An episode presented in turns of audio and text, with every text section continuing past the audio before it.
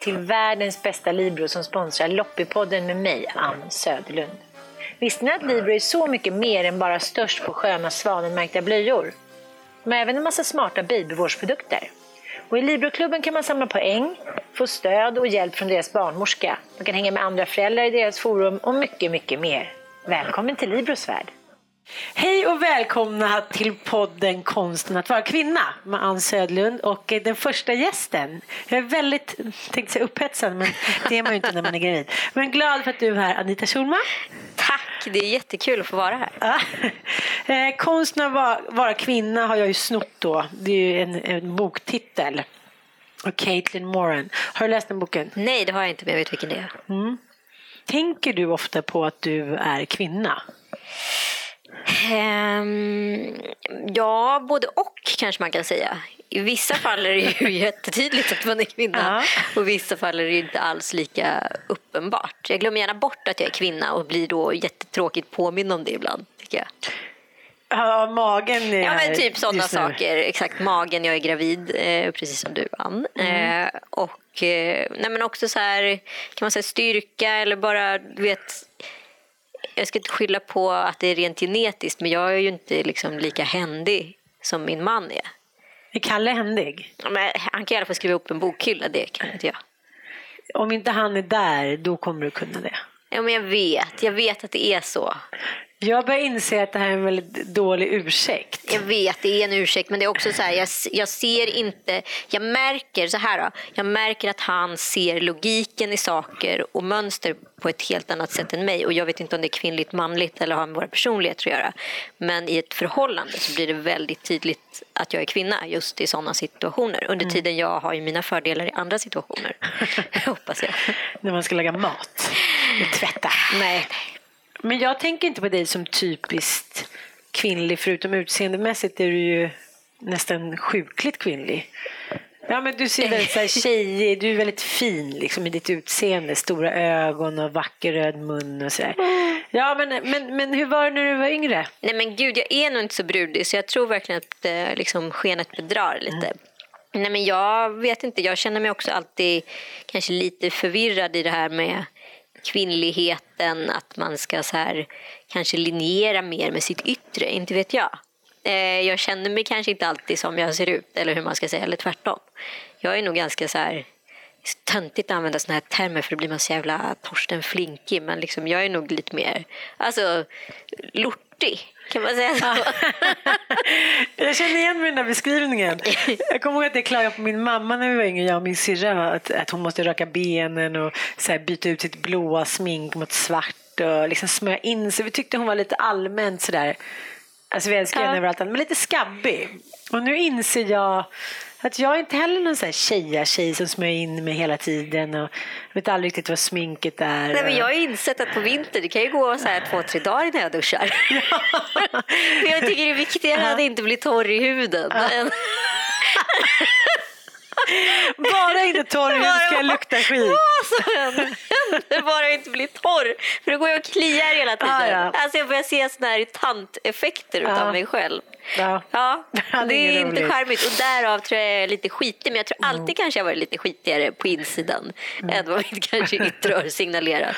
I tonåren gick det där mer ihop för då var jag lite mer punk i raka håret och testa gränser och ja, men du vet sådana där grejer. Men min kille sa till mig igår, nu får du gå och duscha sen förstås. och då kände jag, men att det kändes som en pik. Men det här är lite jobbigt när man har en ny kille. Ja, jag fattar Vi pratade ju faktiskt ja. om det du och jag häromdagen. Att, eh, ja, men allt från liksom sexliv till utseende till hur man ska vara pigg och härlig och rolig. Hänga med ut även fast man bara vill ligga hemma och fisa. Allt, och så fysiska åkommor, att man fiser i sömnen och snarkar. Ja, men du vet sånt som händer när man blir gravid. Det är ju faktiskt okej när man har samma pappa men, men nu är det en ny pappa, då måste man anstränga oh, sig. Och han är lite yngre också. Ja, inte så mycket. Nej, men, nej, men ja, du känner, ja. jag antar att det lägger ändå någon typ av grej för dig att du känner att du vill vara liksom lite ärtig. det är ju det med hudkrämen. Jag smörjer in magen i alla fall. Ja, det gör det. Ja. Men ser du någon skillnad på graviditet 1 och 2 när det gäller just sexliv och utseende? Och, alltså... men, Jo men absolut, så här, rent sexuellt kan man väl säga att så här, då var det en issue för oss att vi skulle ha lite sex. För att de, vi hade lite problem att bli gravida. Jag fick en del missfall innan och så där. Så då sa de så här, när vi väl blev gravida att vi inte skulle få sex på 12 veckor eller vad det var. Eller du vet den här tiden som det var, då kanske det var sex veckor kvar typ. Och vi var så här, nej, hur ska vi klara det? nu var inte det någon stor match kan man säga. Ni använde petting, filmer, åkte på bondageläger. nu ligger vi, nu prioriterar man sömn. Man tycker inte det är så det, det, är inget svårt val, sex eller sömn. Det var det liksom lite mer förut, mm. för det var lite mer rai, rai, rai. Men, eh, och sen så måste jag faktiskt berätta, jag var, alltså jag jag får väldigt mycket mer hårväxt av den anledningen när jag är gravid. Bara liksom, säg pang, mm. så är det en urskog där. Och jag liksom, min mage börjar bli lite så stor nu så jag hade liksom kolla ner på ett tag. Men så, fick, så tog jag tag och fick ett ordentligt tag helt plötsligt. Så jag bara, men herregud, jag ska till Thailand om en vecka, jag kan inte gå omkring så här. Mm. Så jag gick till vaxstudion och då kände jag mig så fruktansvärt okvinnlig för de frågade mig, eh, var det länge sedan du vaxade dig sist? Och då började jag tänka och då insåg jag att det var tre år sedan jag vaxade mig sist. så det var en riktig urskog där det var, ja, och Tre år sedan stämmer ganska bra för det var ju då, liksom, Penny fyller ju tre nu så att, eh, ja. ja. Ja. du ser, man har släppt det liksom. Det är så här, end of discussion, ja. word. Jag förstår vad du menar. Men vet du att förr i tiden så så kunde det hända att män ville skilja sig från sina fruar dagen efter bröllopsnatten för att de hade sett att de hade hår på Mutterutti. Nej. Jo, men hår är ett hot och vissa påstår att det kom om aids-epidemin att håret, eh, att bögarna rakade sig och det blev mer estetiskt och det blev cleant. Men, eh, men det är mycket att många tjejer porrakar musen och även killar. Och, och jag fick en sms innan då jag träffade min man. Ah, någon liten dejt jag hade. Han undrade om jag ville att han skulle ha porrpung. Jag började säga nej, nej, nej. Låt det växa. Det är redan gjort. Då tänkte jag så här, det finns en hysteri kring hår. Ja, nej, Känner min... du också så? Nej, men det är mer för alltså, Kalle tycker ju att det är ganska härligt när jag är hårig. Han har mm. ingenting mot en trekant. Liksom. Han tycker det är ganska fint. Och ärligt talat så tycker jag faktiskt att det är lite mer estetiskt. Eh, jag tycker att man kan lätt bli som en säl eller liksom som en så här, alltså bara en en yta med hud ifall man inte har någon liksom mittpunkt på mm. kroppen. Eh, så jag gillar ju faktiskt att ha en liten trekant där nere men eh, men jag, förlåt nu kommer jag för frågan. Nej men det, det gör ingenting men jag har tänkt på det mycket more. Jag har pratat om just att kvinnor har som press på sig att allting ska vara så rent och fräscht hela tiden. Min kompis eh, Karin och Klintberg sa till mig, jag, jag är alltid nyrakad på benen och överallt och hit och dit och, och jag känner mig som en jävla gorilla. Jag känner också att det är så mycket tid som måste läggas ner på konsten att vara kvinna. Jag ställer inte riktigt upp på det. Nej, och jag tycker det kanske är också en av anledningarna varför jag faktiskt trivs i förhållandet. Sen tror jag inte jag liksom, jag har inte hört min man gnälla hittills men just att jag tycker att den här pressen försvinner oerhört mm. efter en, en bit in i relationen. Mm. Det är ju första, första året man vill vara liksom fortfarande i någon typ av införsäljningsfas av sig själv och fortfarande ska vara liksom... Det är bra uttryck. Ja, men så här, bländvit leende. Mm, liksom. Men eh, nu är det ju skönt att få vara slapp. Mm. Kalle får jättegärna ha en liten tuss på pungen också, det struntar jag i. Pungtuss välkomnas. Men det är också rent fysiska liksom, förhinder. Man ser ju inte där nere, alltså, det är ju rent livsfarligt. Man kan ju skära upp hela Slidan. Ja, och det känns ju inte så kul. Vet jag för ett par år sedan faktiskt, nu är det ju ett par år sedan säger jag alltid och så inser jag att det är så tio år sedan varenda jävla gång. Ja, för tio år sedan ungefär ja. så började jag ta fram en rakhyvel faktiskt för tjejer. Eh, just för snipperiprakning. Eh, för att en bultsax? Ja, en nej, men det var liksom, i formen var den liksom själva rakhyveln lite som en så här lakritspipa. Mm. Så att den var liksom lite S-formad just för att man inte skulle skära upp sig och stå som en gorilla i duschen för den skulle liksom vara strömlinjeformad och följa mm. med vulvans mm. form så att säga. Och Vad sen så var det ett smalare bladbredd. Nej, men tydligen fanns det ett patent i Kina som hade smalare bladbredd på själva huvudet och så fanns det ett patent i USA som hade ungefär den formen på skaft som jag hade tagit fram. Och då blir det liksom svårt att processa vidare det och ta patent på produkten och därav blir det svårt att eh, vad ska man säga, realisera den. Men jag känner ofta att det som är typiskt kvinnlig, kvinnliga tortyrredskap som så stringtrosor, ja, men riktiga push-up i hår, det känns som att det har uppfunnits av män som har bilder av hur kvinnor ska vara. Hur kan man stå emot de här bilderna av hur kvinnor ska vara. Fast jag, jag, nu kanske jag låter helt verklighetsfrånvänd men jag tycker också att den där bilden utav hur kvinnor ska vara också väldigt ofta liksom trycks på av kvinnor själva. Att man liksom inte ifrågasätter den här normen eller mallen som man hela tiden liksom Ja, men vadå, vaxar du inte mustaschen? Men bara så här, nej, det gjorde jag faktiskt inte. Jag vet att jag kanske borde för att jag kanske borde bli finare då men jag måste ifrågasätta mig själv varför jag vill göra det här för mig. Och där hela tiden går det fel för att det finns liksom det har blivit så inbyggt i vårt maskineri att vi ska vara på det här sättet så vi tänker inte längre på att det är en, en ojämställdhetsfråga. Nej. Kan man säga så? Ja, verkligen. Eh, jag tror inte att stringtrosan är uppfunnen av en man. Jag tror den är uppfunnen av en kvinna. Mm. Jag, tror att det där, jag tror att kvinnor är väldigt bra på att vara sexuella och förstå vad män går igång på. Eh, sen så tror jag att de här dumhetsgrejerna liksom marknadsförs och liksom realiseras av män. Men jag tror det är kvinnor som kommer på hur.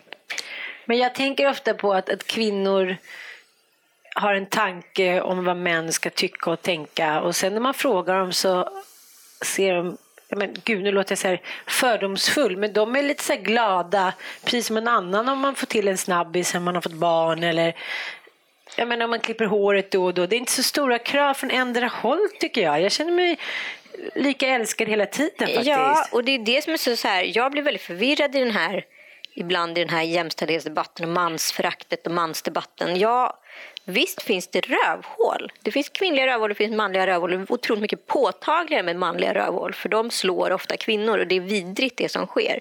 Men man, vågar man, jag vågar inte säga så här 90 procent, men de flesta män är ju faktiskt ganska snälla. Liksom. Mm. Och de är inte med.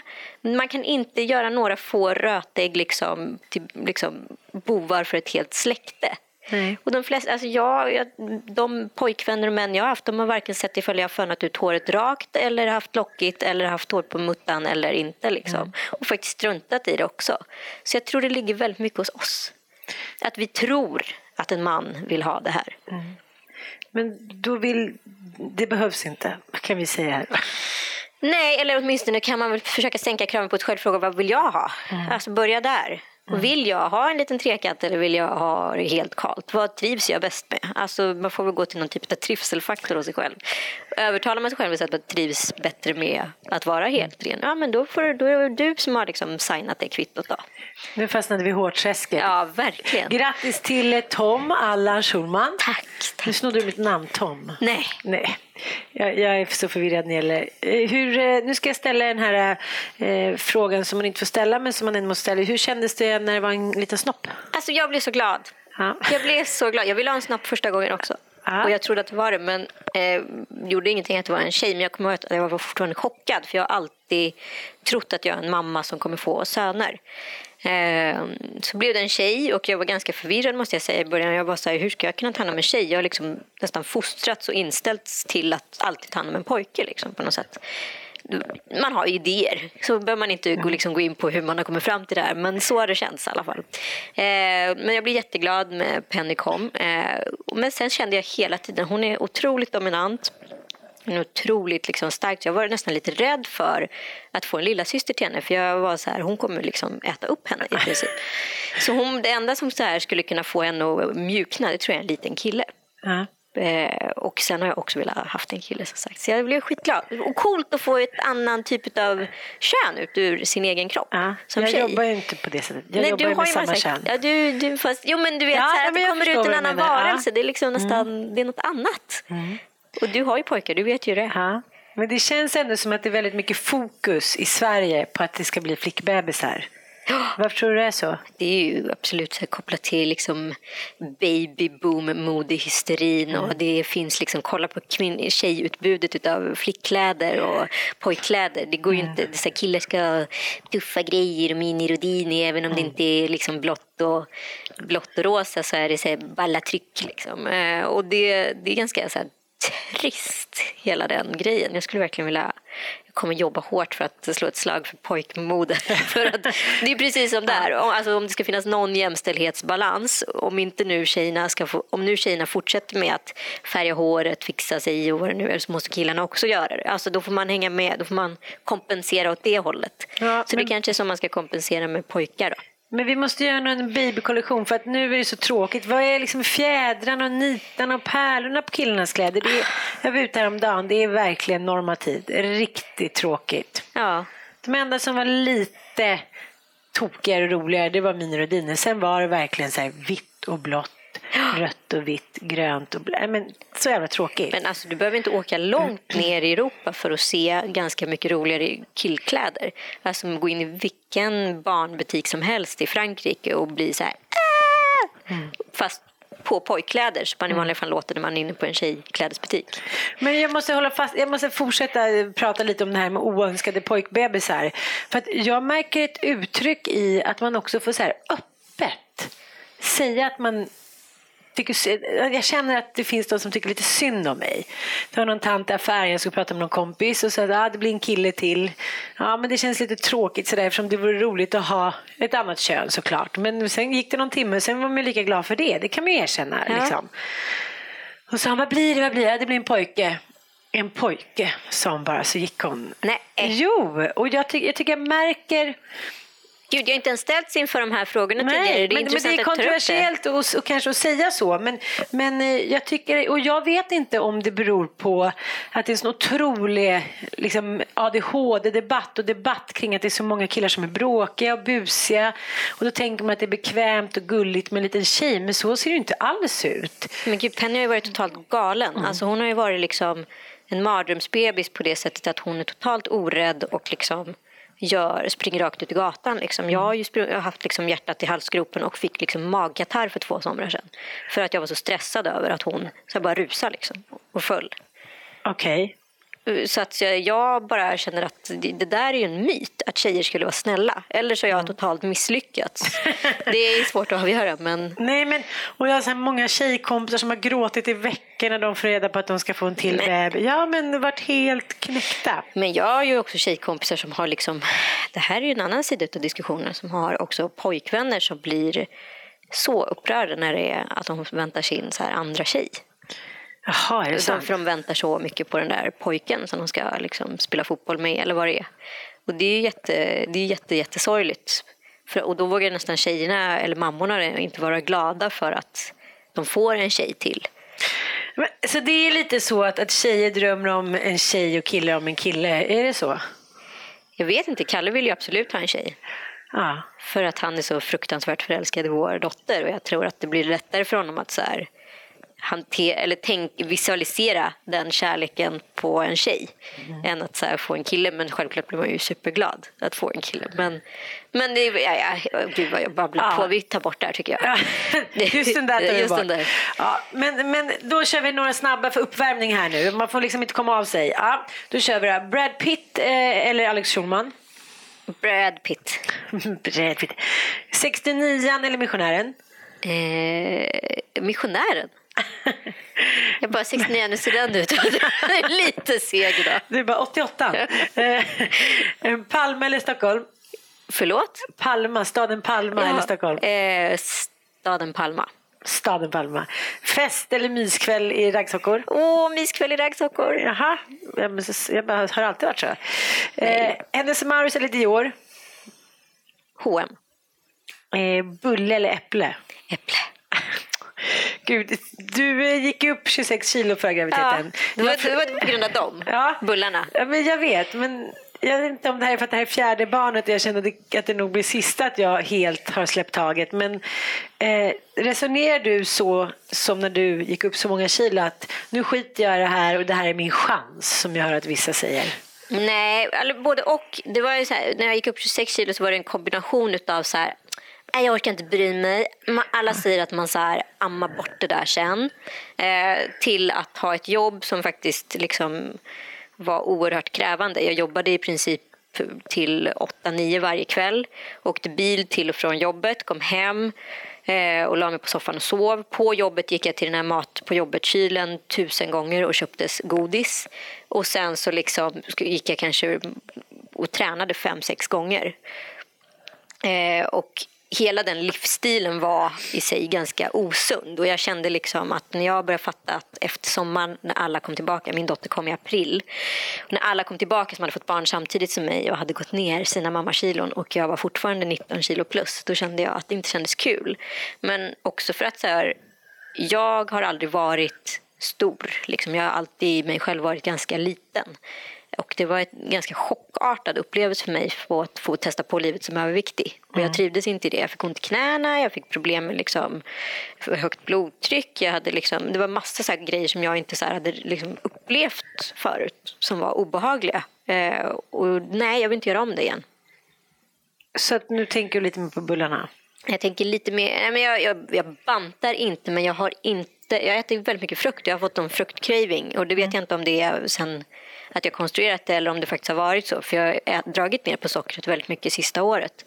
Eh, så jag fick inte det naturliga liksom, sockersuget som kom sist.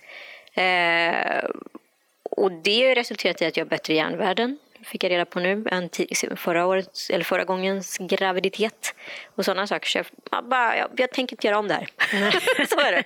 Jag vägrar. jag vägrar. Men jag läste på din blogg också att du erkänner att du tar ett halvt glas vin ibland. Ja. Hur, hur, hur, har folk reagerat på det? Jag gör också det. Mm. Så att jag säger ingenting. Jag tror inte att det Nej, men Jag tycker det är, liksom, det är upp till en personlig bedömningsfråga. Mm.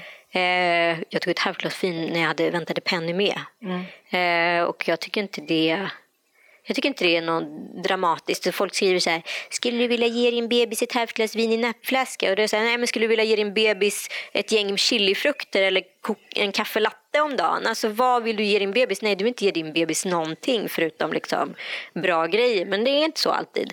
Och sen är ju de här liksom reglerna bestämmelser per land. I England är man ju till och med så här rekommenderad att dricka ett till två glas vin som mamma i veckan för att det är bra för blodet. Danmark, mm. max fem öl och två shots till Exakt. veckan. Mm. Så att eh, man får ju liksom utgå från sitt sunda förnuft och eh, jag tror att de flesta har det.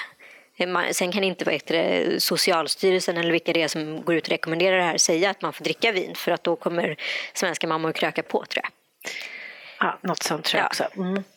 Men jag tänkte även på det här att om man tar dig och Katrin Zytomierska så ni erkänner ju lite ändå att ni inte bara är så här hemmasittande bullbakande mammor, att ni även tycker att det är kul att festa loss det då och då. Sådär. Ja, fy fan. Ja, hoppas jag. Ja, men jag har inte heller något problem med det, men jag inser eh, att när jag själv har skrivit, haft så här, druckit eller liksom haft någon, ja, men champagne eller varit ute och festat, det är ganska starka reaktioner. Medan liksom Alex skriver ofta på sin blogg att han dricker whisky och det är liksom allt från du vet superstjärnor som knarkar och de kan bete sig lite fan som helst. Men det gör ingenting för de är bara pappor.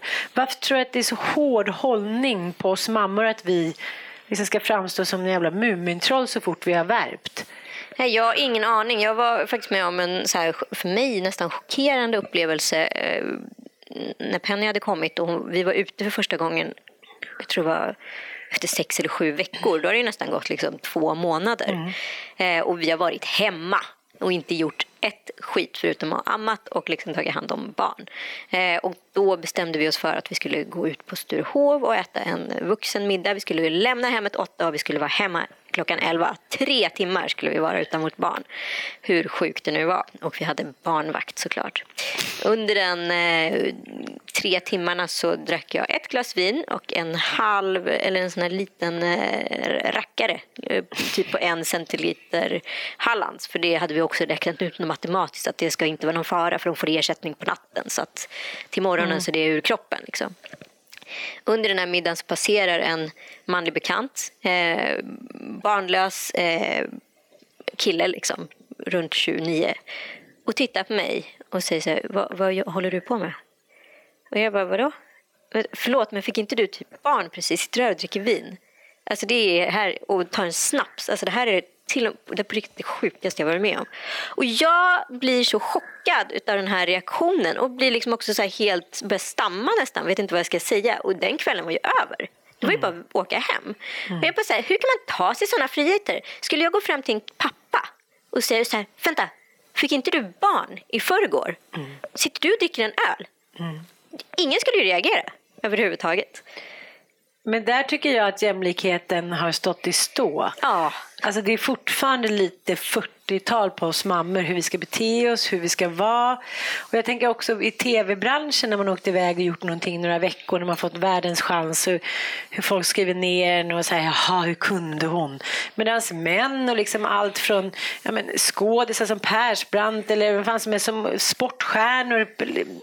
Ja, men Zlatan som är borta i månader och gör grejer. Och det, det är ingen som ifrågasätter. Jag tycker faktiskt att det är helt sjukt. Jag blir fan förbannad. Men vissa så här, pappor är ju också pappalediga när barnen är sex och får mm. fortfarande hyllningar internt mm. på arbetet för att man är pappaledig. Det är ingen jävel som behöver vara pappaledig när barnen är sex.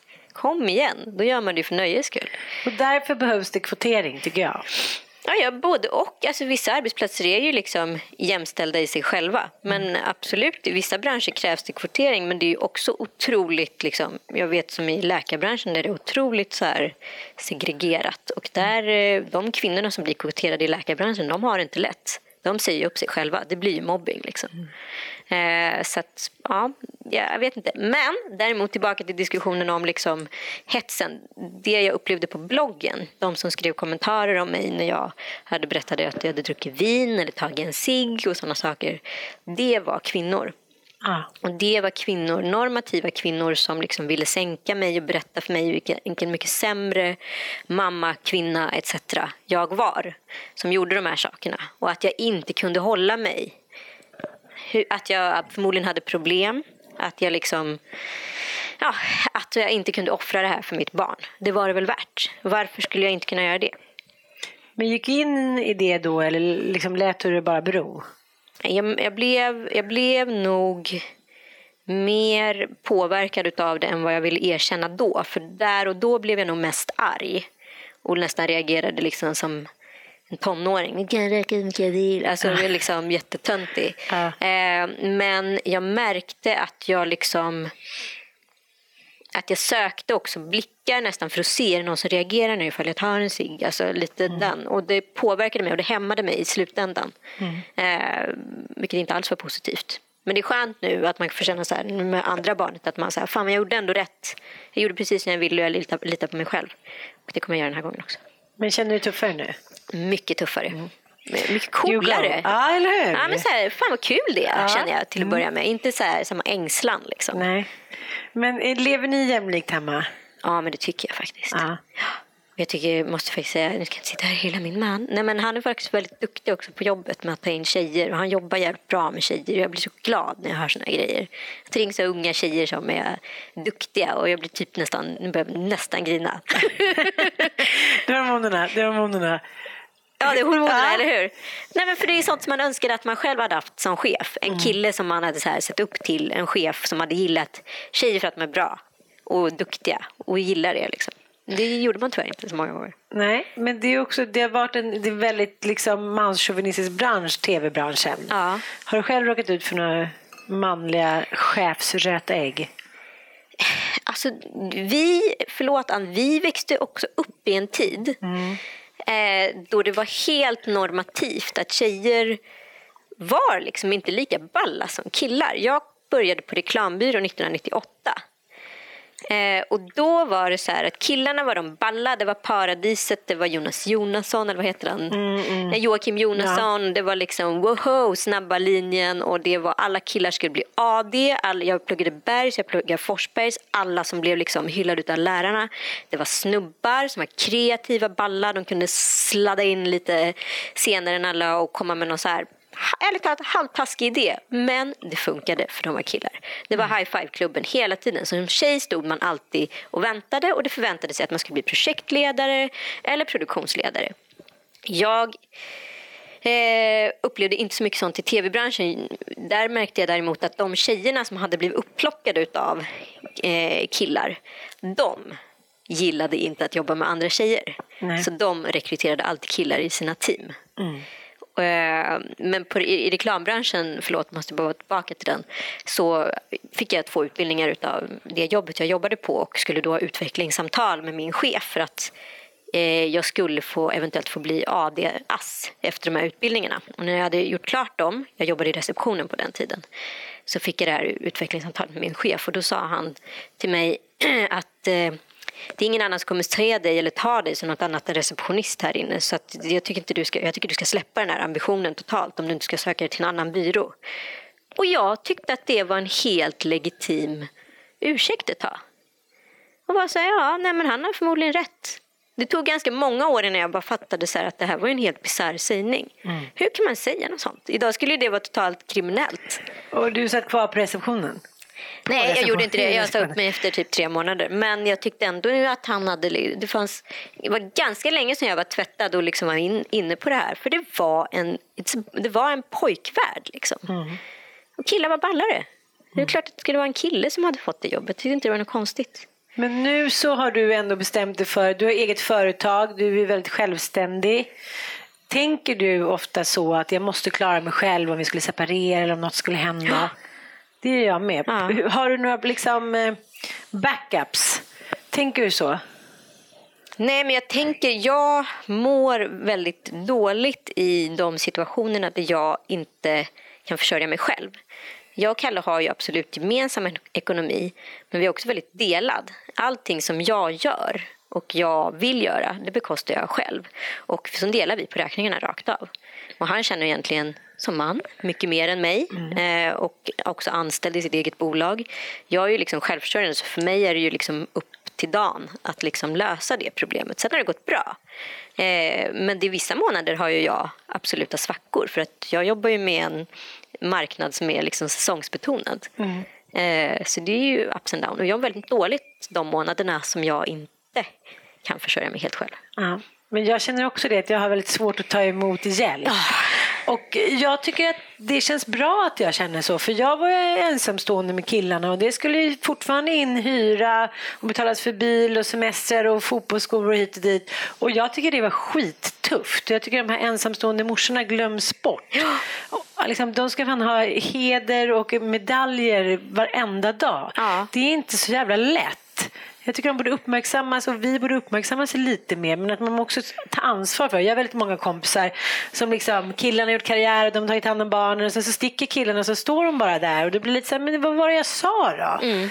Vad, har du några bra tips på hur man ska kunna vara självständig. Nu, låter, nu framställer jag mig som att vi lever på 40-talet men statistiken säger ju ändå att ensamstående morsor ligger jävligt risigt till i ja, Sverige. Alltså liksom. De som har det värst i Sverige i, mm. i ett liksom tvärsnitt, de som mm. lever under existensminimum, det är ju mm. ensamstående mammor. Mm. Jag tänker ofta på de här mammorna som så här, du vet, harvar ett helt år och så åker man på semester i Sverige mm. och ska gå på alla jäkla nöjesfält och allt med ungarna och det bara mm. regnar och regnar och regnar. Bara, alltså jag lider så mycket med dem varje sommar. Alla de här pengarna som de måste bara ösa ut på skit för att tillfredsställa barnen. Men eh. solidaritet kanske lite mer mellan kvinnor emellan också? Ja, absolut. Mm. Och också så här, det finns någon sån här, eh, jag vet inte om det är någon så gamla eh, ska man säga, folkhemstänk ibland som man bara vill skylla på för man inte vill ta eget ansvar. Att så här, jag plötsligt ska så här, privata ideella organisationer som vill så här, hjälpa sådana kvinnor så här, kastas skit på för att det inte är staten som går in och gör tillräckligt mycket. Men vad spelar det för roll då? Mm. Fan hjälp! Skänk en slant, hjälp till, aktivera sig i så här, människor. Jag tycker det är så jäkla viktigt. Vi är så här rå engagerade i massa olika rörelser. Jag tycker det är så viktigt och det genererar också så mycket. Jag skulle aldrig prata om det högt och säga så här, gud vilken god människa jag är. Men jag tycker det är så jävla viktigt att man så här, fan bryr sig. Mm. Är det viktigt för dig att vara en bra förebild för din dotter? Mm. Mm. Det är det. Sen har jag, tror jag liksom att eh, vi, förlåt Ann, kommer ha svårt att vara det. För att eh, den generationen som växer upp nu och de som har vuxit upp i slutet på 00-talet de kallas för generation boring. Mm. De har så fruktansvärt hög moral. Eh, de är så fruktansvärt tråkiga. De har inte sett så här hög svansföring sedan slutet på 30-talet enligt mätningar. Mm. Eh, och jag pratade faktiskt med en kompis som har en dotter som är 13. Hon hade gjort slut med sin 15-åriga kille för att han rökte. Och alla hans kompisar hade också svikit honom för det var det värsta som kan hända. Det säger en del om den generationen. De sopsorterar och de tar hand om sig själva och de, eh, de, Instagram, det ska vara så här litet och det är en sluten grupp, det är inget man delar. Vi som har gjort allting, de kommer göra revolt mot oss och vi kommer inte kunna vara en förebild för dem. Way to go tycker jag ändå. Ja, så jävla bra. Hellre det tycker jag. Ja, men vad skönt att jag kunde vara en förebild på att jag var så jävla trashig känner jag. Mamma, jag vill aldrig bli som du. Den jag, bara, jag vet att du inte kommer bli som jag. Råskönt. Men du, du och Kalle har ju båda ganska vitt, omvittnat hett temperament. Vad bråkar ni om när ni bråkar? Alltså grejen är, vi bråkar faktiskt inte så ofta med varann. Men när vi bråkar, fy fan vad vi bråkar. Men då är det väldigt så här explosivt och oftast för så här små saker. Vi var faktiskt på vår första eh, riktiga så parterapi. Eh, nu precis i början när jag var gravid för då fick jag ett utbrott på honom som var ett, alltså då visste jag inte om att jag var gravid eller men det förklarade saker och ting sen. Som var så här, han kan trigga upp mig på ett sätt som är helt sinnessjukt. Han har liksom, det räcker att han så här, ger mig en blick eller liksom använder en ton och jag blir helt galen. Men oftast handlar det om att, så här, att han inte tror på mig har jag insett. Men det den här parterapeuten sa, det, det var väldigt intressant. Att för honom betyder det liksom ett förlåt. Det är mer som så här, okej okay, men nu har vi neutraliserat det här. Även om det inte var mitt fel eller ditt fel så säger vi förlåt för att neutralisera den här situationen. För mig, sa parterapeuten, är ett förlåt en mycket högre insats. Att det så ska vara liksom en stor gest, att det är mycket bevisningsbörd. Alltså det ska mycket till för att så här, eh, komma till förlåt för min... Alltså det ska verkligen vara så här, då, då, ska mattan rullas ut. Liksom. För han är det mer som en sak man säger lite. Och det blir ganska intressant för det är här vi har liksom kom, varit olika. Han var så här, men be om ursäkt. Jag bara, men det var ju inte mitt fel. Ja. Eh, bara, men, men, jo. Ja, men, och då vill han egentligen bara höra liksom förlåt. Även om det inte var mitt fel eller hans fel, skitsamma. Det spelar ingen roll för då är det bara neutraliserat diskussionen. Under tiden jag har varit så här, han anklagar mig. Men vadå, han tycker, har du ljugit mycket sen ni träffades? Eller? Nej, verkligen inte. Men du vet så här, men var, vad gjorde du av nycklarna? Nej, men jag la dem på hallbordet. Ja, fast de ligger inte där. Nej, men vad ska jag göra? Alltså, du vet, och sen så bara triggas det igång av en sån grej. Och så är han så här, men ta fram nycklarna, du vet ju vad de är. Och så bara fortsätter det och så helt plötsligt blir det jättestort. Och egentligen vill han bara så här, höra så här, förlåt, eh, jag vet inte vad de är, förmodligen har jag lagt dem någonstans. Och ta mm. på mig det, även fast det kanske inte är mitt fel. Ja. Under tiden jag vill att så här, han ska inte anklaga mig för det. Mm. Maktkamp. Maktkamp. Mm. Sådana små töntiga grejer. Men vi, på riktigt så bråkar vi kanske om sådana saker, alltså det blir mer och mer sällan, men kanske två, tre gånger per år. Däremellan så är man ju så här vanlig så här, mi, mi, mi, mi. Mm. Men det är ju två sekunder och sen är det över. Tvåbarnschocken? Den kommer. Ja. Jag var och spådde mig nu och sa också att vi skulle få ett kolikbarn här. Så att, eh, det ja. kanske var bra att jag fick reda på. Jag trodde liksom att spådamer eller spågubbar var, jag menar, berättade om så här, viktiga händelser inte hittade på någonting med kolik. Jag tror att ni kommer få det nu? Nej men det var bra att hon sa det, tänker jag. För att jag hade inte ens tänkt tanken. Du vet, att börja så här, boka ja. på semestrar och grejer. Så mm. plötsligt kanske man ska sitta med så här koliksommar. Men tror du på sånt där? Alltså, jag var hos den här spådamen förra året och hon har haft rätt på datum om saker och ting kan jag säga. Hon var också den som sa för ett år sedan att vi, vi kommer få en pojke nästa år. Och hon sa också att det blir bara ett barn till och det känner vi båda väldigt så starkt att Jaha. nu är det slut i bebisfabriken. Jaha, det blir kärnfamiljstänket? Ja, nu det är bara det är logistik vi pratar om, så här. rimliga lösningar. Nu är det bara några frågor kvar. Men jag bara tycker det är intressant. Jag har vetat, vetat vem du är, känt dig lite grann i många år och du har inte alls känt så traditionell. Nej. Nej, men jag har inte tänkt på dig. Ja, men du har så här, dragit iväg till Indien och ja, men du har levt väldigt så här, ja, men lite rock'n'roll-liv tycker jag. Ja. ja och nu så här, du gifter dig höggravid, det är två barn. Du lever ganska traditionellt. Har du tänkt på det själv? N eh, nu när du säger det låter det ju helt liksom, ja, gud, ja, men det är Kalle, det är han som håller på med så här kristna grejer. Jag kan inte ta ansvar för det där. Ja, men, men, har, du liksom, har, har det förändrat dig mycket att bli mamma? Det har förändrat mig väldigt mycket att bli mamma. Plus att jag tror liksom att jag behövde nog de där crazy åren. För jag är lite mer crazy än vad Kalle är. Kalle är så här, vi har pratat om det så mycket och jag inser att han blir liksom mer och mer liksom konservativ. Redan innan vi går på middag så pratar han om när vi ska gå hem från middagen. Men vi stannar inte för länge va? Vi, vi, vi kan väl gå runt elva? Men bara så här, men alltså är du helt galen? Han är ganska rädd. Han vill åka på semester till samma ort. Han vill alltid flyga direkt. Hatar mellanlandningar under tiden. Jag är så järnrik en bit i Hongkong och så tar man en liten Cessna ut till den där ön. Och det blir skitmysigt. Så åker man bananbåt i två timmar. Råkul.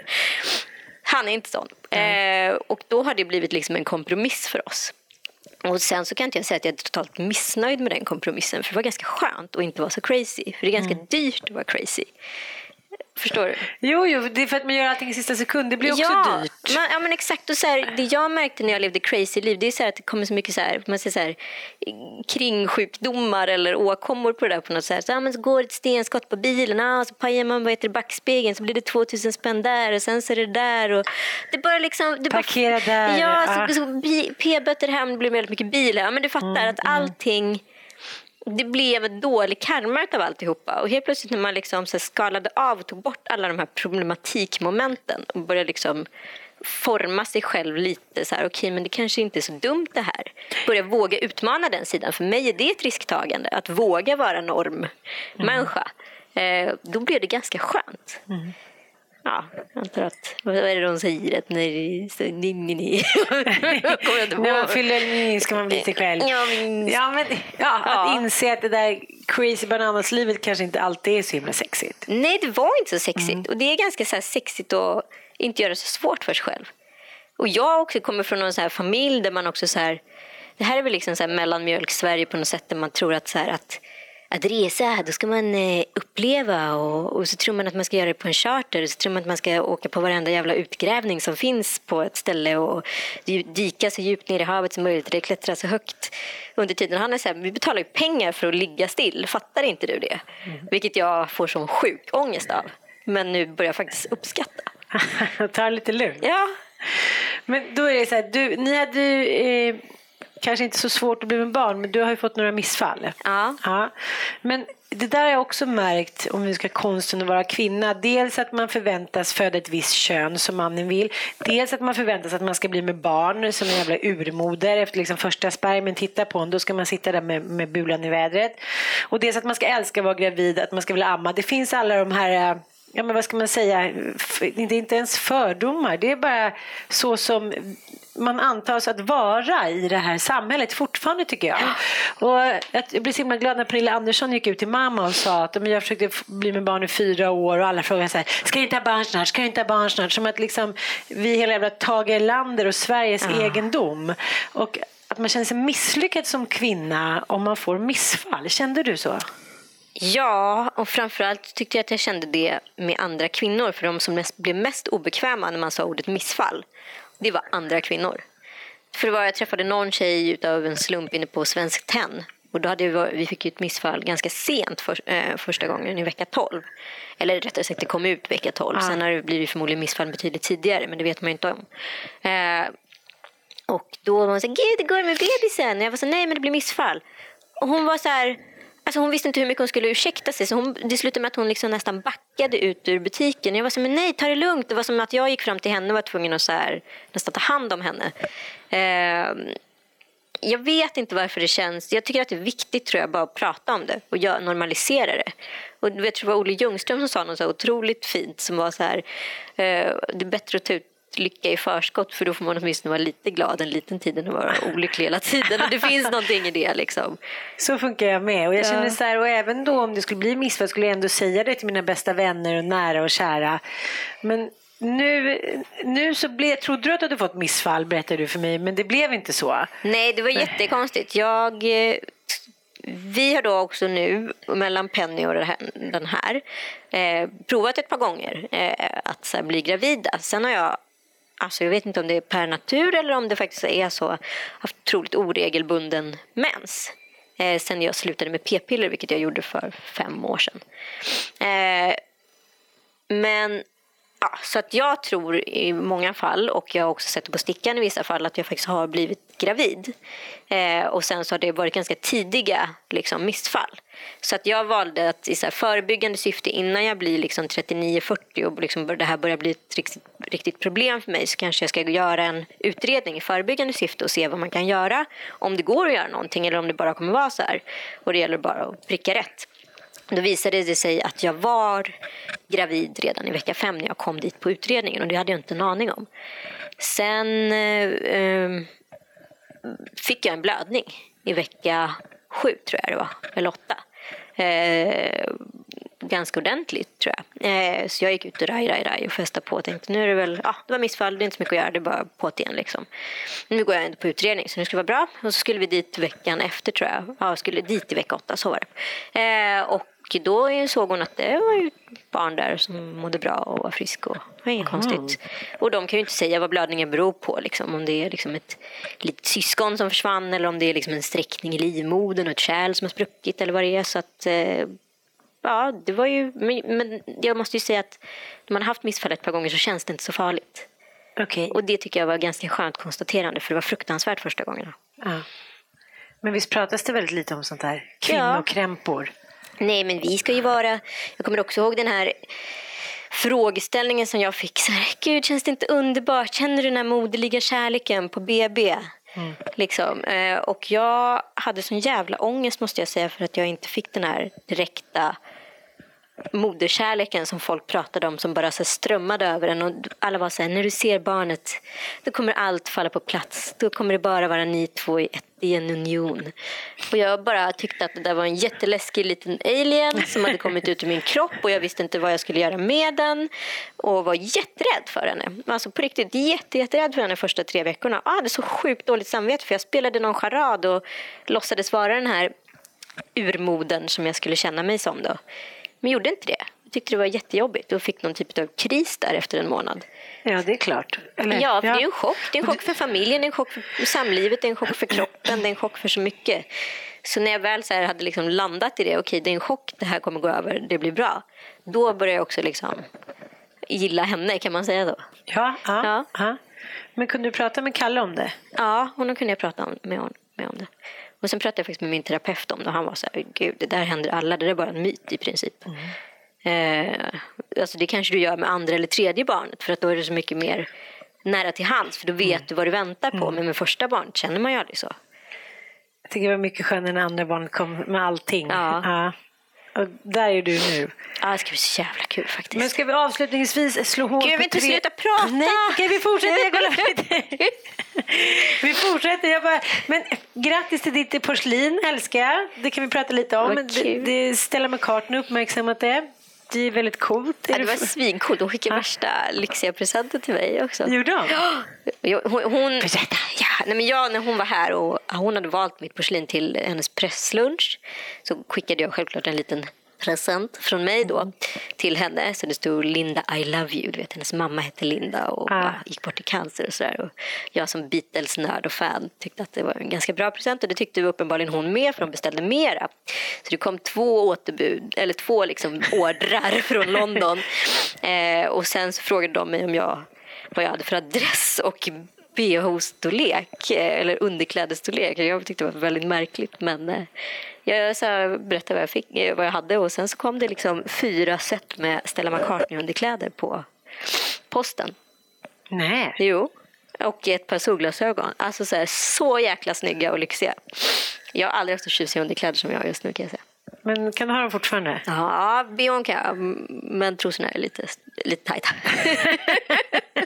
det går ett tag till. Vi släcker ner bara. Jag, jag, man glömmer så fort. Nu är det för sig Gud, min, min yngsta är sju. Men allt det här blåådriga brösten, flytningarna, fisarna. Alltså det är så, så många extra vänner som dyker upp som känns lite så här onödiga bara. Ja, men, det är ju inte så här... Alltså man, man pratar om det välsignade tillståndet. Man kan ju mm. inte säga att man känner sig speciellt välsignad med hemorrojder. Och liksom. Men det pratas det inte heller Nej, om. Nej, det gör det aldrig. Liksom. Och därför går man och, och, på något sätt ska dölja det här. Men jag, jag kör en helt annan offensiv med min, min nya kille. Att jag pratar öppet om det och jag erkänner. Och det är helt, jag kommer ihåg första gången jag var gravid. Och, ja, men, då skämdes man och min dåvarande kille tyckte att det var lite läskigt att ha sex. Och jag kände mig som en alien. Ja. Nu är det så här, jag har inställningen, jag kräver att jag ska bli älskad och åtrådd i min gravida bubbla Och liksom, så ska det bara vara. Ja. För det är inget onaturligt tillstånd som vissa vill göra det till. Och hittills har min, min strategi funkat jävligt bra. Ja, men jag tror det och jag tror så här, det kan ju, vi ses dygd, men jag kommer ihåg att jag var på något bröllop för några år sedan precis när jag var gravid med Penny och så pratade jag med några andra tjejer på bröllopet som också var gravida. Jag bara, ah, men det är inte så jävla kul det här med hemorrojder. Och alla blev liksom helt Alltså de bara frös. De bara hemorrojder låtsades och liksom alla började helt plötsligt låtsas som de inte hade det. Man var så här, vad fan ljuger ni för? Jag sa precis att jag hade det, nu får ni mig att känna mig dum. Ja. liksom. Nej, jag tror att det är så, här, så jäkla viktigt att prata med sin partner om allt skit. För saken är den att när du kommer också tillbaka och är liksom snygg igen eller vad jag ska säga. Det här är liksom ett litet så här, det här är, ett, det är lite som att gå i det. Eh, på alla sätt och vis. Då kommer liksom allt det där vara glömt. För det kommer vara liksom hålla, höra graviditeten till. Sen kommer inte din man se på dig som så här he- hemorrojd-Ulla eller liksom fis-Britta eller vad det nu är. Nej. Och om han gör det, eh, men då, är, då får han faktiskt ta tag i saken själv. Då får jag tycker jag. ta tag i saken själv. Det tycker jag är Anita Schulmans eh, råd till eh, blivande mammor och mammor där ute. Våga prata med din man om all skit. Exakt. Tack för att du kom. Det var jätteroligt. Det var jätteroligt. Ska jag bubbla ihjäl mig kände jag. Vi gör om det nästa vecka. Ja. Tack. Tack själv. Det var jättekul att få ja. komma. Hejdå.